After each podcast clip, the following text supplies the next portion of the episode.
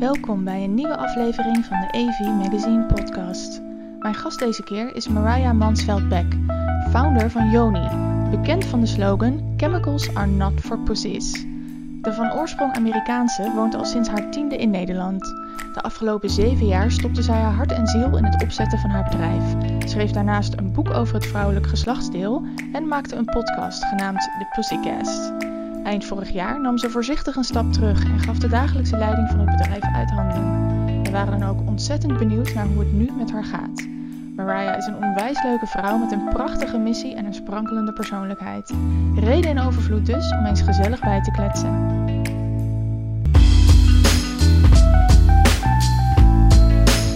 Mariah, wat leuk dit! Gezellig! Superleuk dat jij uh, te gast wilde zijn bij de AV Mac podcast. Wij kennen elkaar via, via Wille Stoutenbeek. Laten we even een grote shout-out doen hier uh, naar W Green. Maar vertel, Joni, all about female empowerment. Jullie werden op slag bekend in eerste instantie met de slogan Chemicals are not for pussies. Vertel ons meer. Ja, uh, ik had natuurlijk helemaal niet uh, een soort van klein meisjesdroom om ooit een tamponbedrijf uh, te gaan beginnen. Dat is gewoon niet een klein meisjesdroom per se. Maar toch is het zo geworden. En dat kwam eigenlijk doordat Wendelin, uh, mijn businesspartner en founder van Joni, um, wij waren samen en we keken op de gewone verpakkingen van tampons en maandverband. En wij realiseerden ons van daar kan je helemaal niet zien wat er nou op staat. Op, op het doosje. Er staat gewoon helemaal niets qua ingrediënten. Terwijl voor ieder ander verzorgingsproduct zij het je handzeep, je shampoo, je crème. Daar kan je echt wel zien wat er nou in zit. En misschien begrijp je het niet, maar je kan het wel opzoeken. Maar voor je meest intieme producten staan helemaal niets op. En toen hadden wij het op zo'n zondag uh, samen, hadden we het hierover. En zeiden van ja, eigenlijk zouden alle vrouwen moeten weten dat er alternatieven zijn. En biologisch katoenen alternatieven. En als we dat op wat voor manier dan ook, op dat moment wisten we niet hoe, maar als we dat uh, uh, zouden gaan delen, dan willen we ook gelijk ervoor zorgen dat er ook daadwerkelijk die biologisch katoenen optie op uh, de schappen staat. Zodat Ja, je het want kan dat- kopen. Dat was er op dat moment waarschijnlijk nog niet. Nou, het was wel op bepaalde speciaal en speciaalzaken, dus eh, bepaalde eco-winkels kon je biologisch katoenen producten vinden. Maar ja, iedere keer dat ik bijvoorbeeld op Schiphol stond of eh, ik was bij mijn ouders buiten de Randstad, dan kon ik die producten helemaal niet vinden. Um, en wij vonden voor je tampons en maandverband moet je niet om hoeven fietsen. Je moet gewoon naar je reguliere supermarkt of drogisterij kunnen gaan. En daar zou gewoon uh, iets anders op het schap moeten staan. Dus we wouden dat verbreden, dat assortiment. En dat is daadwerkelijk uiteindelijk gelukt. Uh, maar op die zondag eigenlijk wel we hadden bedacht van... hé, hey, we gaan het verhaal vertellen. Wat wij nu weten willen we delen met andere vrouwen. Zou, iedere vrouw zou moeten kunnen weten waar haar tampons en maandverband van gemaakt zijn. En iedere vrouw zou uh, opties moeten hebben. Um, dus we moeten het op het schap krijgen naast de synthetische producten. Ja, ik ben ook wel benieuwd, hoe, hoe zijn jullie erachter gekomen dat er zoveel chemicaliën in zaten? Want ik kijk even puur vanuit mezelf als vrouw zijnde, heb ik daar nooit over nagedacht. Totdat ik jullie leerde kennen uiteraard. Maar ja, de OB-tampon, de bekende, uh, die stopten we er gewoon in. Want ja, dat was de meest bekende tampon die we hadden. En het, wat je al zegt, het stond niet op het doosje. Dus hoe kwamen jullie erachter van, hé, hey, hier zit iets niet Nou, zo'n niet moment dat je op het doosje kijkt en dus realiseert van, hé, hey, er staat helemaal niets. Dat vind ik heel vreemd. Um, en toen kwamen we later achter van uh, deze producten vallen onder algemene productregelgeving. En dat betekent dus dat er uh, helemaal geen regels zijn wat er wel of niet op het doosje moet staan, maar ook niet wat er wel of niet precies in het product mag zitten. En dat vonden wij heel vreemd, vind ik nog steeds uh, heel erg. En we hadden zoiets van, we willen een transparante optie op het schap zetten. En dat gaan we maken van biologisch katoen. En ja, wat er in de andere producten uh, zit, daar ben ik altijd heel voorzichtig mee. Want ik maak ze niet. Nee, dus jij weet uh, Dus ik ga geen harde Nee. uitspraak maken. Maar wat je wel kan zien als je gewoon een product neemt en je gaat uh, er naar kijken. En dat doe ik geregeld, maar dat doen de meeste mensen niet. Want dat heb ik ook de rest van mijn leven, zeg maar, voor mijn hele Joni-verhaal heb ik ook nog nooit gedaan. Maar als je een gewone tampon pakt en je gaat een beetje aan friemelen. De meeste tampons, daar zit uh, een plastic bovenlaag over het product heen zelf. Dat is een beetje dat silk touch. Um, dat hebben de meeste consumenten niet door. De meeste maanverbanden, daar kan je wel zien van... hey, de achterkant is van plastic gemaakt... Maar vaak zit er ook een heel dun laagje plastic over de bovenkant. En dat kan uh, ervoor zorgen dat het een broeierigere omgeving gaat worden. En veel vrouwen willen, nou ja, sowieso uit duurzaamheid onder overwegingen willen ze plastic vermijden. Maar wellicht ook uh, voor jezelf wil je plastic vermijden. Um, heel veel maanverbanden. Ik denk dat iedereen dat, als ik bijvoorbeeld uh, medewerkers van uh, de Ethos spreek bijvoorbeeld, zegt ze van die maanverband gedeelte ruikt gewoon naar parfum.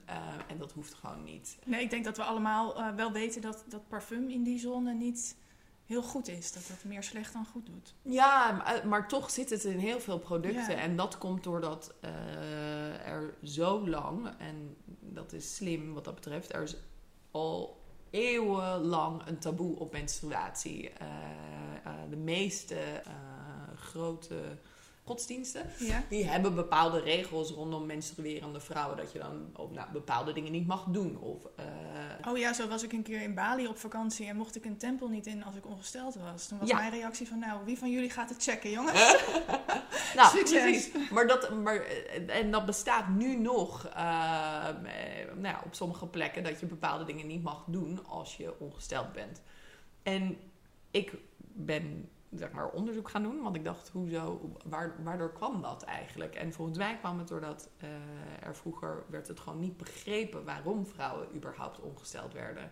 En iets wat onbegrepen is, is misschien wel magisch, maar is ook potentieel heel gevaarlijk. Dus we gaan regels maken eromheen om die potentieel gevaar in te bannen. Um, en daar kwamen die regels vandaan en daar kwam een bepaald taboe op te zitten. Te gek voor woorden eigenlijk, hè? als we erover nadenken. Als we erover nadenken. En nu nog uh, bestaat die. Dus het wordt helemaal niet ja, heel vaak over menstruatie. Daar, dat is niet een onderwerp wat je heel vaak met elkaar bespreekt.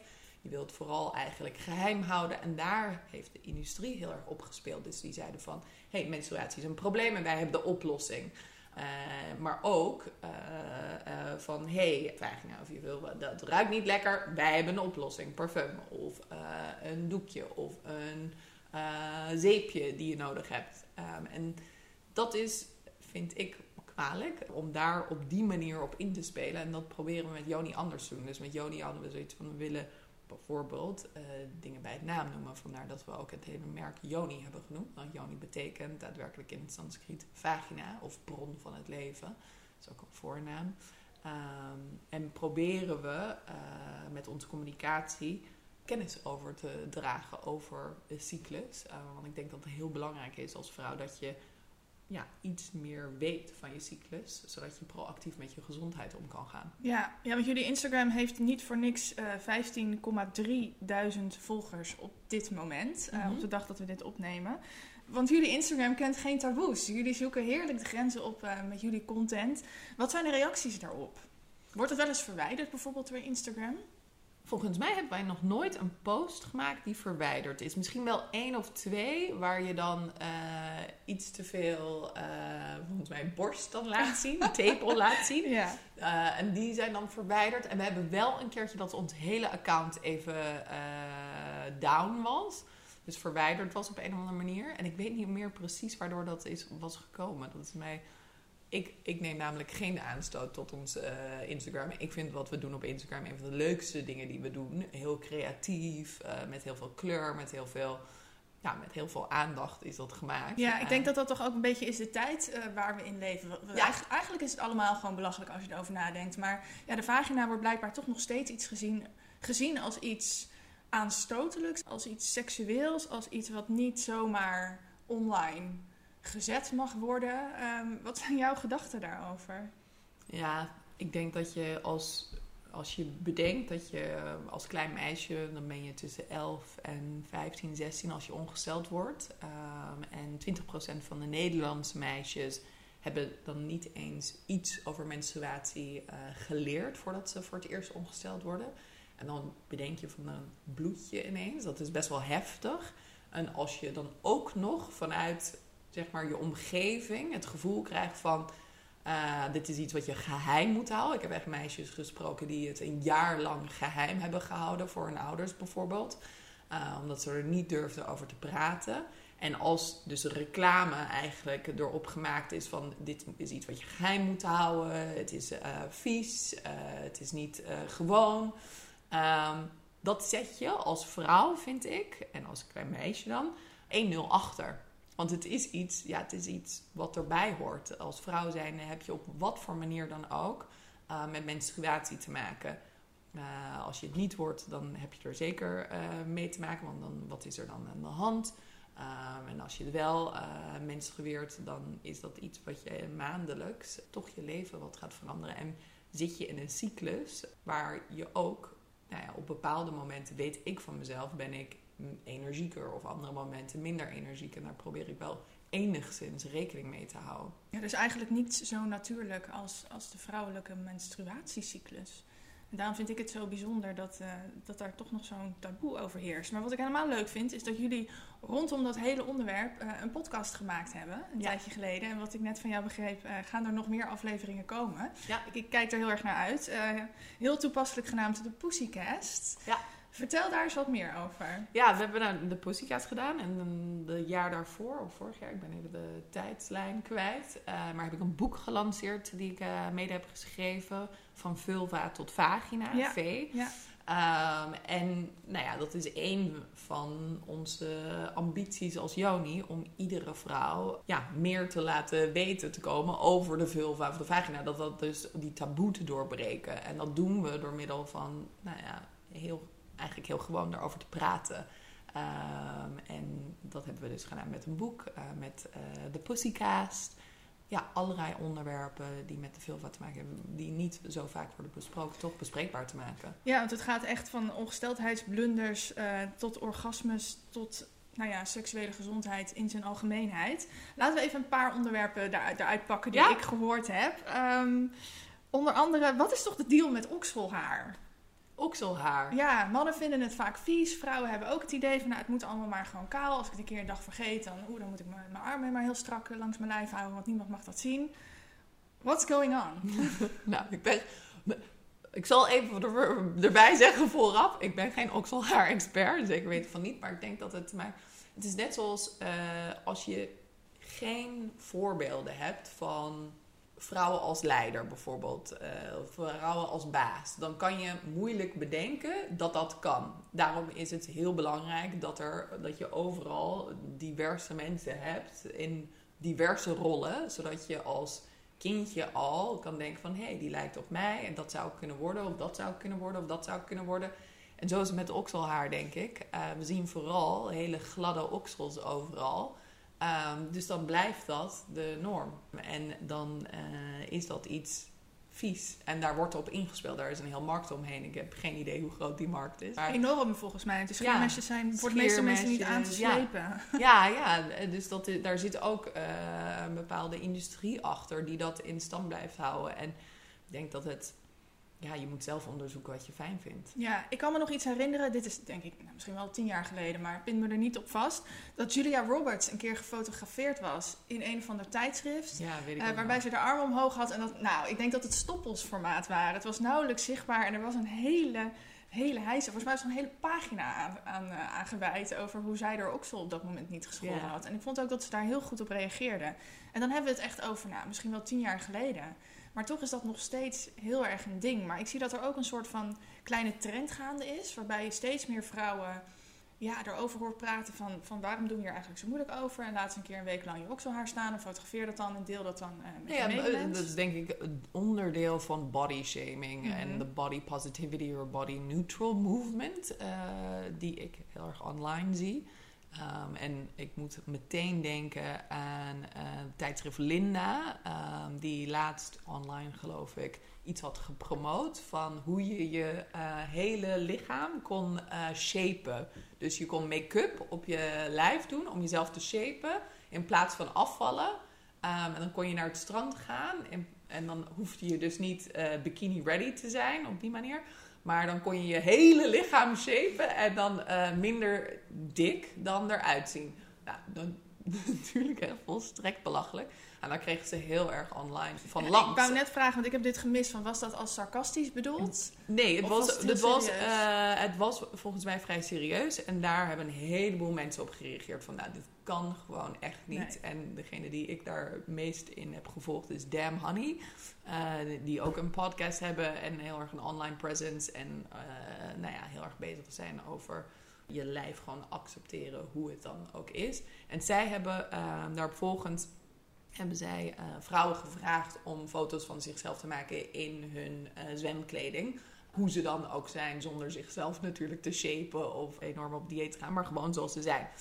En dat heeft heel erg aangeslagen. En toen gingen ze ook nog eens, dat was heel leuk, toen het heel warm weer was eh, van de zomer, hadden ze een aantal keer, ehm, kon je gaan zwemmen ergens. Gewoon zoals je bent, zonder schaamte, et cetera. En dat vond ik een hele positieve eh, tegengeluid op soms waar we helemaal verstrekt en doorgeslagen zijn. Ik bedoel, je zou maar als klein meisje dat lezen bij de Linda en dan denken van, ik moet mezelf volledig eh, gaan shapen. Ja, Ik, ben- gebruik überhaupt heel weinig make-up, dus ik kan me helemaal niks bij voorstellen Nee. dat ik mijn hele lijf zou Ik vind het enorm tegenstrijdig ook met de movement die we afgelopen jaren juist in de modellenwereld hebben gezien. Dat er steeds meer plus-size models komen. Dat nou ja, met uitzondering van Parijs er over het algemeen de catwalks eh, wat vollere modellen eh, zien lopen. Nou wordt dit natuurlijk het eerste jaar waarbij we even helemaal geen Fashion Week meer hebben. Maar dat terzijde. Dus ik vond het heel bijzonder om dan te horen dat naast die movement nu ineens weer... De Linda komt met een verhaal waarin we ons lichaam hebben make-up overigens- eh, kwamen ze daarna eh, weer met een meer body positive eh, Mhm. nummer uit. Waarin Linda in de bikini staat op de voorkant. Zonder geshaped te worden, zover ik weet. Maar ja, daar was ook weer commentaar over. Ja, je moet... Ik denk, dit is... In sommige opzichten zijn we heel erg doorgeslagen in ja, het uiterlijke. En hoe dat eruit zou moeten zien. En gelukkig is er nu ook eh, een hele harde tegengeluid eh, daarbij van hey, accepteer jezelf hoe je bent. Eh, maar voor sommigen denk ik bladen, et cetera. Ik begrijp dat ook als bedrijf zijnde. Als je wellicht niet alles op je vizier hebt en misschien dat helemaal niet authentiek van jou is. en je voelt je misschien nog helemaal niet verbonden met die body positivity movement.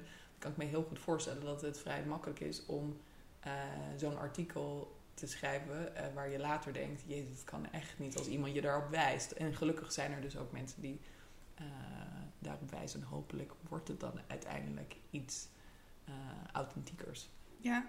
Een ander onderwerp wat ik in de, in de veel naar voren hoorde komen was seksuele gezondheid, maar meer in zijn algemeenheid. Het lijkt toch ook nog steeds een beetje een taboe. En heb ik zeker over binnen het onderwijs. Ja, als we kijken naar basisschool, middelbare school, seksuele voorlichting, daar, dat doen we eigenlijk niet, echt aan. Ja, ik denk dat de. eh, verwacht, maar nou ja, over zoveel jaar weet ik het veel beter. Want dan heeft mijn dochtertje de leeftijd dat zij hopelijk ook onderwijs gaat krijgen over het onderwerp. Maar wordt er nog steeds, zeg maar, onderwijs gegeven? één, te laat vaak. Omdat nu meisjes steeds jonger bijvoorbeeld ongesteld worden. eh, en daarom is er volgens mij een soort van 20% van de meisjes die nog helemaal niks weten, maar wel ongesteld worden. Ehm, eh, dus dat, daar moet ook rekening mee worden gehouden dat dat toch eh, best veranderd is. Maar dat de nadruk legt op van ja, je moet niet zwanger worden en eh, je moet opletten voor SOA's. En dus dan allemaal het negatieve kant van kijk uit met seks. En helemaal geen aandacht is voor eh, plezier wat erbij komt kijken. En dat dat heel belangrijk is. En eh, nee, dat je clitoris eh, niet gewoon een puntje is, die vaak alsnog zo wordt afgebeeld. Uh, maar dat, er, dat daar, een heel uh, orgaan aan vast zit die er omheen gaat. Nou, daar is heel weinig aandacht voor. En het is dus heel uh, sumier, denk ik. Ja, dus eigenlijk is jullie Instagram-account, naar mijn mening, ook voor, voor jonge meisjes een hele goede manier om, om enige educatie te krijgen rondom ja. het onderwerp. Nou, en dat was precies ook de reden van het boek, van Vulva tot Vagina, wou ik iets maken wat veel meer was wat, zoals mijn Instagram-feed maar wat je op tafel neer kan zetten. En dat hoorde ik dus van een aantal uh, mensen die ik ken, uh, die ja, oudere kinderen hebben als ik, dus tieners. En dat ze het soort van op tafel deden. En dat tieners zeiden van, nee mam. Uh. En dan alsnog dat het boek verdween en een paar uur later pas weer terug op tafel stond. Ja, dat is ook een beetje de leeftijd, hè? En dat, dat, dat mag denk ik ook. Dat je als tiener niet, met je, met je, niet zozeer met je moeder wil bespreken hoe en wat. Uh, maar een hele goede manier om inderdaad dat boek dan, uh, dan zo op tafel te leggen. Uh, een ander issue wat ik heel eventjes jouw mening over wil horen is anticonceptie. Even een leuk feitje. Dat in Nederland de pil niet langer wordt vergoed binnen de basisverzekering. Daar is al flink ophef over geweest. Klopt. Nog weinig veranderd. Maar daarnaast ook uh, de menstruele hygiëneproducten. Dan heb ik het over tampons, maandverband, al dat soort dingen. Worden verkocht als, tussen aanhalingstekens, luxe product met 21% BTW. Dat Wat vinden we daarvan? Uh, dat is niet waar. Dus in oh. Nederland is het laag btw-tarief. Oh, toch wel? Uh, maar in onze buurlanden, uh, in België is dat veranderd onlangs. Um, anderhalf jaar, twee jaar geleden is het van hoog naar laag btw gegaan. In de UK is hetzelfde. In Duitsland is het nog hoog btw, als ik het goed zeg. Of is het net veranderd. Um, dus je ziet een trend en is het heel erg in mhm. opspraak geweest van joh, uh, hoezo zou je tampons en maandverband onder hoog uh, btw-tarief zetten? Het is geen luxe product, het is een product die gewoon beschikbaar zou moeten zijn. En zo zie je in Engeland, die altijd rondom menstruatie ietsjes uh, voor, meer voorloopt, dat er nu ook wetten zijn aangenomen waarbij bijvoorbeeld tampons en maandverband gratis beschikbaar zouden moeten zijn op scholen bijvoorbeeld. wat heel belangrijk is, want dat is een leeftijd waarin je ongesteld wordt, waarin er heel veel schaamte is eromheen, waarin je niet dat per se wil bespreken. En uh, voor sommige mensen is het ook iets wat een extra, extra uitgave is en waar er wellicht niet altijd uh, geld voor is. Dus het is heel belangrijk om dat beschikbaar te maken overal en uh, op scholen, zodat niet, ja, meisjes niet, niet naar school kunnen of naar huis gaan omdat ze ineens geen product bij zich hebben. En nou, niet dat dat een heel schaamtevol iets hoeft te worden. Dus ik, denk dat dat heel goed is. Nee, maar dat wordt door de samenleving natuurlijk wel een beetje neergezet. Nog steeds. Ja, alsof zeker. het iets schaamtevols is. En ja. alsof je menstruatie ja, iets vies is. En dat, ja, ik, dat gaat mij echt aan het hart. Ik vind dat nog steeds ja, heel zeker, jammer. Zeker, uh, maar daar zie je dus wel in de afgelopen, denk ik, vijf jaar of zo zie je daar zo'n verandering in uh, komen. Dat er dus veel meer wordt over, over, wordt gesproken. Dat wij dit gesprek hebben. Uh, dat Joni in bladen is gekomen. In het begin was dat heel lastig voor ons. Uh, dan zag je dat niemand zeg maar, hun handen aan wou branden. Nee. dus we kwamen met Chemicals Are Not For Pussy. Zo begonnen we als Joni.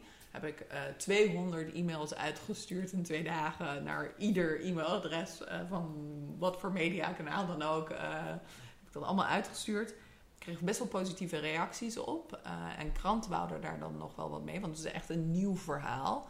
Uh, maar tijdschriften, dat vonden ze veel moeilijker dan... Nee, dat is iets van lifestyle. Nee, dat is beauty. Nee, niemand, niemand wou eraan. Uh, het was toch lastig om in een vrouwenblad over menstruatie te praten. En dat is wel echt veranderd.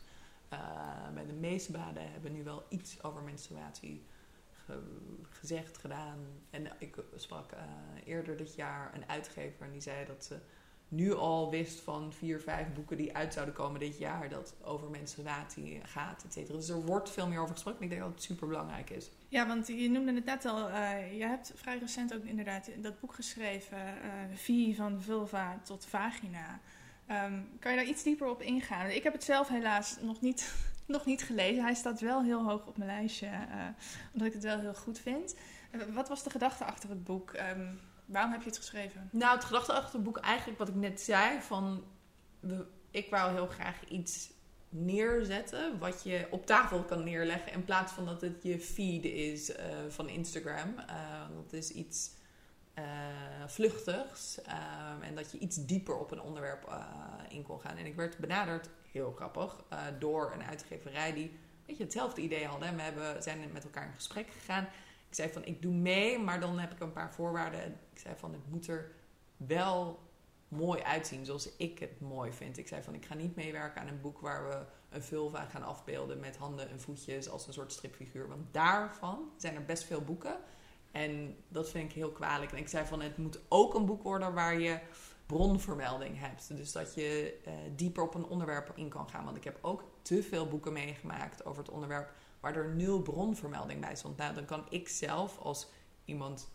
Ja, ik lees die boeken soms uh, voor mijn eigen uh, onderzoek, voor mijn eigen dingen die ik wil schrijven of wat ik wil vertellen. En ik heb daar niks aan als er geen bronvermelding bij zit. Dan, dan is het voor mij, ja, heb je het zelf verzonnen? Waar komt dat vandaan? Uh, nou, dus ik zei van, die twee dingen vind ik heel belangrijk. En daar waren we met elkaar eens. Dus eigenlijk is het boek uiteindelijk geschreven door, volgens mij, zes uh, verschillende vrouwen. Die allemaal een aantal onderwerpen uh, pakten. En ik heb het stuk over menstruatie geschreven, maar ook over de bevalling. Ik was de enige uh, ervaringsdeskundige op het gebied van de bevalling. En ik heb gelukkig ook met wat medici uh, kunnen sparren over mijn inhoud. Van hey, check dit even, klopt dit wel? Um, dus ik heb die uh, gedeeltes geschreven, maar dan is er ook een gedeelte over de HPV-virus, over de pil, over de overgang, over beeldvorming van de vulva en hoe dat veranderd is door de tijd heen. Dus heel allemaal verschillende onderwerpen die eigenlijk veel te weinig worden besproken. En waar soms echt uh, waar je met moeite aan informatie kan komen. En ik vind het een boek die je nou, informatie ten eerste geeft, maar waar je ook, mocht je nog veel meer over bijvoorbeeld HPV-virus willen weten, heb je een heel lijst van bronnen waar je nog op door zou kunnen lezen als je dat zou willen. En daarnaast zijn er heel veel mooie plaatjes in. En heel veel verschillende kunstenaren en kunstenaren, kunstenaars en kunstenaressen. Dus kunstenaren hebben uh, uh, meegedaan um, en beeld gedeeld. Uh, ja, wat ik heel fijn vind. Ik vind het ook belangrijk dat uh, je kan op zo'n... Je kan met kunst en beeld kan je zoveel communiceren. Dus bijvoorbeeld mijn, um, de vriend van mijn zus, die kan geen Nederlands. En die was wel, een, denk ik, 20 minuten toch met het boek bezig. Uh, door te bladeren van, oh, oh, wow, wow. ja, beeldvorming lijkt me ja. zeker met dit onderwerp ook, ook heel belangrijk. Maar ik denk ook voor, voor jonge meiden dat het toch prettig is om er een iets wat realistisch plaatje bij te hebben. Wat toch luchtig is. En, ja, ja. En, en daar is ook onderzoek naar. Hoe meer, zeg maar, je bloot wordt gesteld aan foto's of afbeeldingen van gewone vulva's, hoe minder je schaamt over je eigen vulva. En dat is super belangrijk tegenwoordig, want je ziet de aantal uh, meisjes, jonge meisjes, jonge vrouwen, um, die bijvoorbeeld plastische chirurgie laten uitvoeren aan een vulva, omdat het niet naar hun idee voldoet aan de norm. En die norm wordt, de benchmark wordt vaak gelegd aan de vulva's die je ziet dan met porno. Um, uh, dat groeit enorm en dat is ja, denk ik niet uh, per se de kant op waar we op zouden moeten. Dus niet nodig. Nee, absoluut niet. Nee, ik deel die mening, uh, ja. die mening helemaal. Nu we het toch uh, over vrouwen in het algemeen hebben. Ja. laten we heel even een feitje erin gooien. Ja. de, US, de US lijkt, lijkt, even met nadruk, um, voor het eerst in de geschiedenis een vrouwelijke vice-president te krijgen. Mocht het allemaal. Laten we zeggen, we hopen. We hopen het. We hopen het. Mocht het allemaal zo gaan zoals wij eh, willen, verwachten, hopen, dan, eh, dan kan dat nu daadwerkelijk gaan gebeuren. Wat denk jij dat dit voor impact gaat hebben um, op het gebied van gelijke rechten en vrouwenrechten? En... Nou, ten eerste voor de beeldvorming een soort van rolmodel. Dat je als uh, jonge vrouw, klein meisje ziet van... hé, hey, er is daar een vrouw uh, op zo'n positie. Dat kan dus. Ik denk dat dat de weg vrij maakt voor hopelijk een heleboel andere vrouwelijke leiders. Dus dat ten eerste. Ten tweede denk ik is het belangrijk en is het ook volgens mij bewezen... dat je hoe diverser de groep mensen aan tafel uh, hoe meer er wordt nagedacht en hoe, hoe, creatiever de oplossingen die worden bedacht, maar ook hoe meer uh, iedereen wordt meegenomen. Dus ik denk dat er geen wetgeving uh, is voor maanverbanden en tampons. Komt wellicht doordat de mensen die daarover gaan mannen zijn en die gaan daar nooit over nadenken. Dus is het belangrijk dat vrouwen aan tafel zijn om na te denken van hé, hey, maar wacht eens even. Uh, dit is toch een belangrijk onderwerp. Uh, de helft van uh, de bevolking heeft hier mee te maken. Daar zouden ook regels omheen moeten zijn. Of hey, kinderopvang.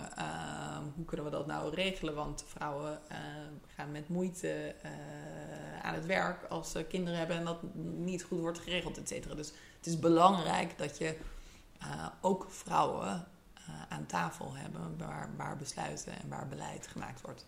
Dat gaat ervoor zorgen dat er inclusiever uh, beleid komt. Laten we het hopen. Ja, nee. We moeten het nog heel even afwachten, maar uh, laten we het hopen dat het, dat het de goede kant op gaat. Ja. Uh, nog één vraagje. Um, begin dit jaar hakte jij de knoop door. Ja. En je gaf de leiding van Joni uit handen. Ja, dat was eigenlijk al eind vorig jaar. Klopt. Daar ben ik heel blij mee. na nou, een stuk vijf, zes jaar met Joni bezig te zijn geweest, meer dan fulltime, was ik, nou, kan ik gewoon zeggen, moe. Uh, heel erg moe. En toen het zo kwam dat ik dat kon doen, die stap kon maken, dacht ik van, ja, dit, dit moet ik doen. En zo had ik het ook eigenlijk gevisualiseerd. Dus ik ben altijd bezig. Ik heb een bepaald soort meditatie die ik vaak doe. En daar zit een visualisatiestuk in, uh, ook over hoe je de toekomst ziet. En ik had altijd wel voor me gezien van, hey, op een gegeven moment uh, wil ik niet meer met dat dagelijkse uh, bezig zijn met Joni. Dat, daar ligt ook niet per se mijn hart of mijn creativiteit. Of dat is niet mijn sterke punt in het dagelijkse opvolgen van dingen of bepaalde structuren neerzetten, et cetera. En in de fase waar Joni nu zit, is juist dat er een bepaalde structuur komt en dat er een bepaalde regelmaat komt, is best wel belangrijk. En dat iemand anders daar veel meer uh, affiniteit mee heeft en dat kan doen, is heerlijk. En dan kan ik uh, de dingen doen waar ik blij van word. Dus ik doe nog steeds zulke gesprekken. Ik doe, uh, ben nog steeds best wel betrokken bij de eerste aanzet tot sales. Dus ik ga vaak mee om het verhaal te vertellen rondom Joni. En ik weet nog steeds, denk ik, van het team bijna het meest van alle verschillende soorten producten. Ik ben bezig met uh, nieuwe producten ontwikkelen voor Joni, waar ik heel enthousiast van word. Nog duurzamere opties.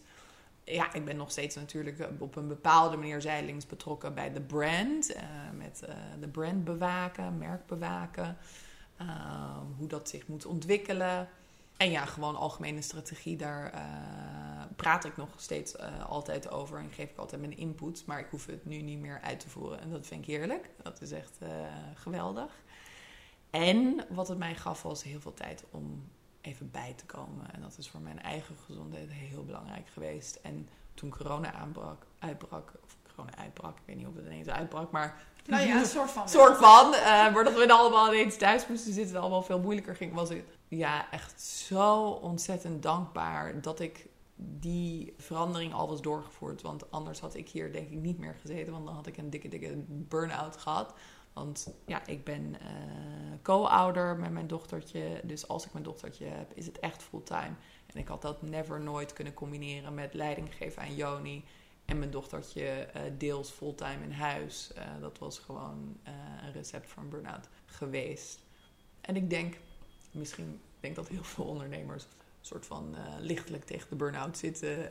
op bepaalde momenten van een groei van een bedrijf. En ik denk dat ik dat ook op een bepaalde manier had. En daarvan bijkomen is heel erg fijn. Nou, Mariah, die rust is je van harte gegund.